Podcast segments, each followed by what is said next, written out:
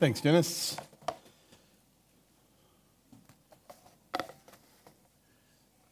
Well, this morning we're continuing our series in looking at the Sermon on the Mount, and uh, we'll be looking at Jesus' teaching on Jesus' teaching on loving our enemies and praying for those who persecute us. When some, when you see some people, you can't help to say, "Oh, I know what your family's from. I know who your parents are."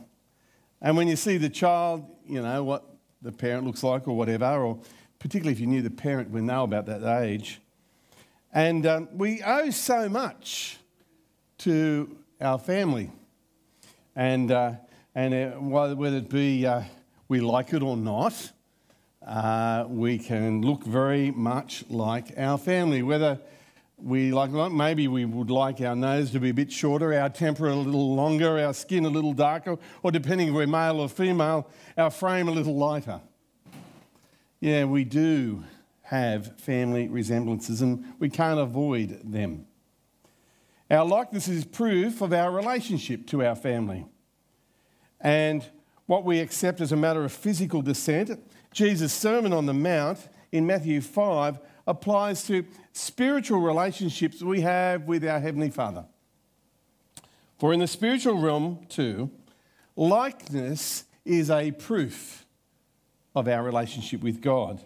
If we are God's children, then we'll, we will prove it by our godliness, by our behaviour.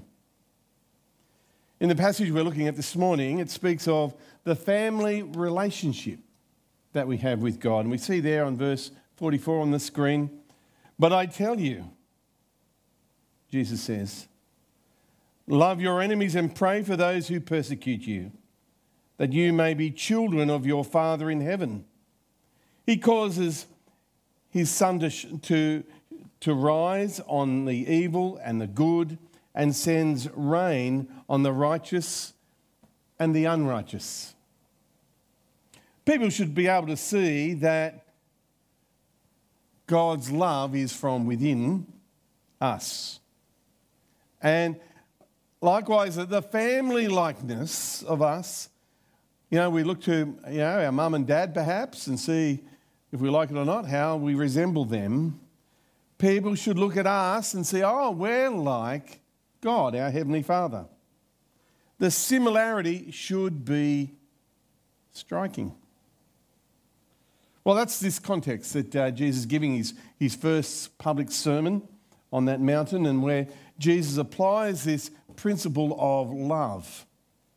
So in verse 43, you see on the screen there, you've heard that it was said, Love your neighbour and hate your enemy. And at this point, Jesus is having to go with the religious uh, leaders of the day who set out their own rules and regulations and half truths. The Old Testament is full of many, many, many examples where they're called to love your neighbour. But never is, does it call us to hate our enemies. Now, the, the Pharisees, they wanted to narrow down the definition of loving others as being neighbours, and particularly to Jewish people, and, and even only some of those Jewish people. And the Jews have traditionally hated Gentiles, those non Jews, and they regard them as enemies.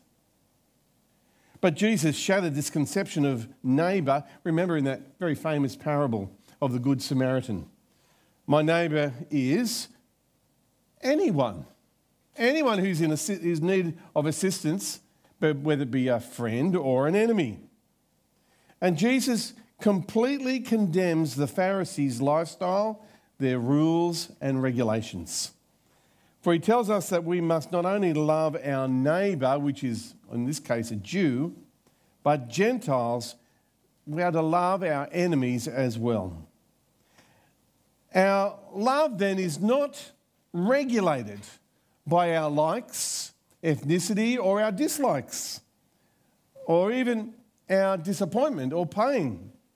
Our loving is to be looking like God's love. And we're given examples of this unconditional love in Matthew 5, the Sermon on the Mount, verse 45. We see on the screen there. God causes his sun to rise on the evil and the good, and sends rain on the righteous and the unrighteous. Our treatment of others must not be controlled by we like them or not, or some sort of conditional love, or what they have done for us. There are people who are evil, who are foul and unjust, but nevertheless, God shines the sun and brings the rain on them, and they too enjoy the benefits of God in this life.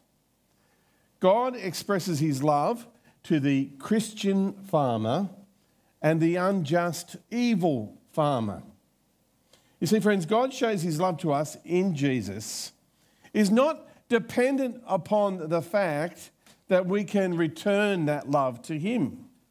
So we read in verse 46 there on the screen If you love those who love you, what reward will you get?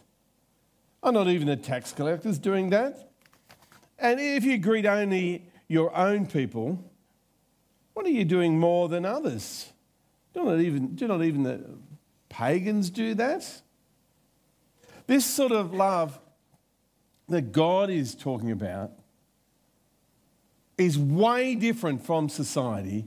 It's a demanding love, one that makes it stand out in the crowd. And, and how often do we stand out in the crowd with our love? We, uh, how often we, I know we're coming out of pandemics and sort of hospitality looks different, but how often do we give up meeting with our mates and, and meet up with someone who might be lonely or in need? Or do you invite someone who is socially awkward to one of your social get togethers?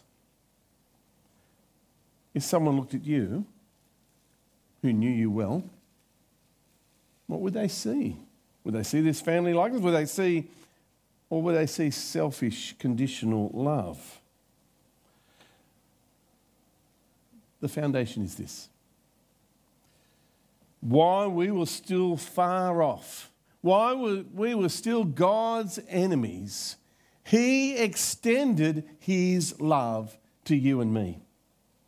And think about that in our life and how we are to show that kind of love. Think of your friends and family that if you showed that love, how different would things be? And like, even, I know we've taken walls out and made this bigger, but we'd be, uh, we'd be screaming at the diocese to build that building up at, you know, Grantham Farm tomorrow because the church would just, you know, blossom and explode in numbers. If people saw that love, the real deal. So, we would be different if we expressed that love. And it can be done if everyone did it. And many of our family and friends would be attracted to that and come to know Jesus. Don't you want don't you want God to be actively working in your life? Don't you want God to be actively working in those people around you? To those you love, and we're here this morning, that means your enemies as well. Well, I do. But somehow we, we get so wrapped up in ourselves and, and maybe our leisure, our work, our study, our health, our social life, or, or other things that take us away from the real focus. Where's our desire to draw closer to God and enjoy Him and serve Him and look like Him. Friends, the only way we can do that is to see what God has done and call upon Him to help us, to see the great salvation He's offered to us. Isn't it that, that, that relationship we have with God infectious? So, isn't that relationship with God the thing that motivates us and gives us a new heart? the Bible tells us that when we are part of God's family, we're, we're changing from within. It's only when we are changed from within, friends, that we are able to reflect God's love in any real way. It's only then, it's only then we can love our enemies and do those things that uh, by our normal human nature we couldn't do. So when Jesus is talking about love in this passage, it isn't some obligation or chore. It's something that stems from the very heart of who we are, our very being, our very relationship with God. So I just want to pause for a moment and have a think about occasions when you might have cruel or unkind thoughts in your mind. Uh, we've all wanted to lash back at someone, especially if they're hurting us. But don't you? But there are times when we don't want to wish them well. And we uh, maybe even want to harm them. Now, when we see in the mirror these dark but natural thoughts, you see that um, something evil or unkind in us is just like everybody else. But if you stop and reflect upon where you've come from and what God has done for you and me, that's where the Holy Spirit moves in us and changes our hearts. Now, I don't necessarily want you to suppress your feelings and emotions, but the type of love that we're looking at this morning comes out of the engine room of our personal relationship with the Lord Jesus. We are to love our enemies. When someone has a go at this week, it'll be only natural to lash out or be harsh to them as well. But Jesus is telling us that we must have a totally different motivation in an upside down kingdom we're in. Our words must seek to be kind and gentle. We must not mete out being spiteful or revengeful behaviour. But we must pray we're told here, for those who persecute us and ask God to have mercy and pity on them. When someone wrongs us, we, our carnal nature, wants to pray that disaster falls on them. We may be tempted to pray the uh, imprecatory psalms and hope to sit back and watch God smite our enemies just a bit like what Jonah wanted to do outside of Nineveh. But that is not what Jesus meant when he said we've got to pray for our enemies. He had something better in mind for us and for our enemies. And when someone sets out to cause us harm, our natural reaction is to protect ourselves and fight back. They gossip about us. So we'll gossip about them. Or they lied about us and we'll lie about them. They smeared our reputation and we'll smear theirs as well. However, Jesus calls us to a higher standard.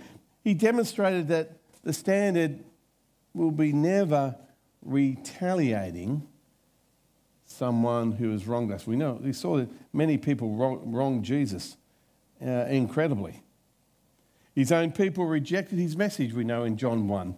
The religious leaders mocked and tried to trap him in John 8. His own family was ashamed of him and tried to stop him from preaching in Mark 3.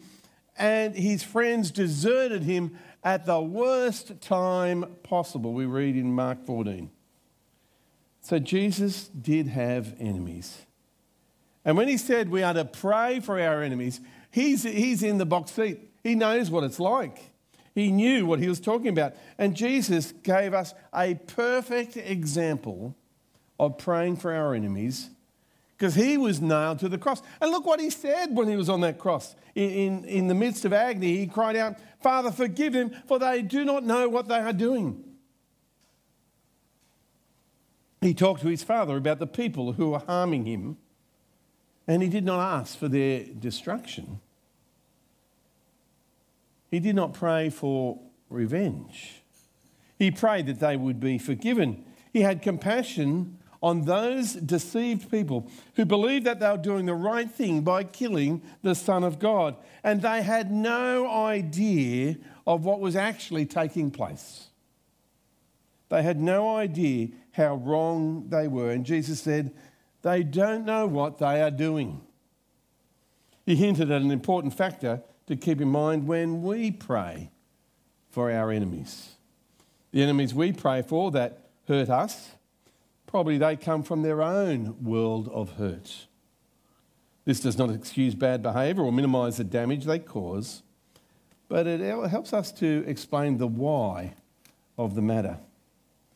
So we can pray for our enemies. The, the, the, famous passage in Ephesians 1 open the eyes of their hearts that they will be enlightened. That's, that's a prayer we pray.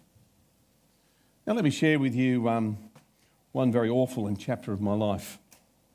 Some years ago, not in this church, okay? Uh, some years ago, some people greatly hurt me and my family and my staff and congregations that I was connected with.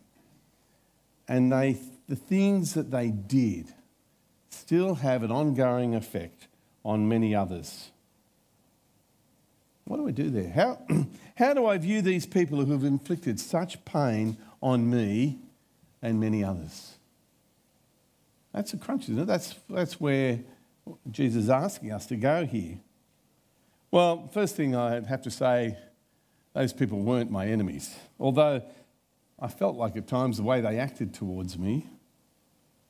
But how do I do, view these men who hurt me? Well, I want to say up first, it's not easy. And even today, pain still lingers on from that event or events. But what does loving these men look like? Loving doesn't necessarily mean that I must uh, trust them to care for me.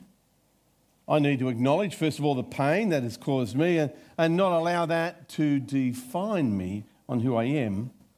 But, you know, time has passed over the years, and uh, if I were to ever have the opportunity to engage with these men, which I suspect not, they'd probably, even in another context, if ever that were to happen, uh, they'd probably avoid me anyway. But how do I love them?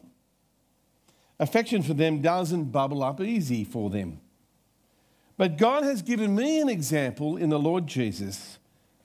And in addition to that, He's given me the gift to work through this situation. So the example is God's grace to you and me. And secondly, He's given me and you the power of the Holy Spirit within us that we can love our enemies. We can only love our enemies by trusting God and asking Him to help us. We are to seek to put God's love in action and, and show love for others who hate us. How do we do that specifically? How do I do that for the men who hurt me? We pray for them. We read in verse 44 on the screen there, but I tell you, love your enemies. You got that? And pray for those who persecute you. Well, when it comes to real ways to love your enemies, it will take a lot of thought. It will take some work, and it will take a whole lot of working of the Holy Spirit in our life. And the Spirit of God working in you and me will cause you to react in a way that God wants you to react, and not just follow maybe what you would have done or our natural desires or what the world would have done. And this may never change, the way we live may never change the people who treated you poorly. But look what Jesus did. He was nailed to the cross. And he prayed for them. So, whatever pain we go through, let's pray for them like Jesus did and have a clear conscience. But most importantly, when we do that, it will bring honour and glory to God. And at the end of the day, that's the thing that matters most in anything, doesn't it? And so we read in verse 44 of Matthew 5 But I tell you, love your enemies and pray for those who persecute you, that you may be children of your Father in heaven. Jesus taught us to pray. Actually, later on in that Sermon on the Mount, he taught the Lord's Prayer. You remember when he says, Your kingdom come, your will be done uh, on earth as in heaven. And we should pray what God wants to be done. That if God wants to bless our enemies, then I need to do that too. If He wants to serve our enemy in some way, well, then that's what I must be needing and wanting to do. And so prayer is aligning our will to God's will. When we pray for our enemies, We need to wrestle through our emotions until we truly turn to God's will and what's best for our lives and others. Friends, we start off by saying we, we were God's enemies. And we are now his friends, but even more than that, we're his children, our family. In praying for our enemies, we become more like Jesus. We become more like our Heavenly Father. And when we do this, people will see the family resemblance, and our Heavenly Father will be drawn to Him and give Him glory. Well, let me pray. Heavenly Father, we thank you that it is through Jesus' death on the cross that we are able to become your children. And Lord, it's so hard to love our enemies at times, but you did it. And so today, Lord, we ask that you'd give us strength by your Holy Spirit to, to love and to, and to pray for those who hurt us. And we pray this in Jesus' name. And all God's people said, Amen.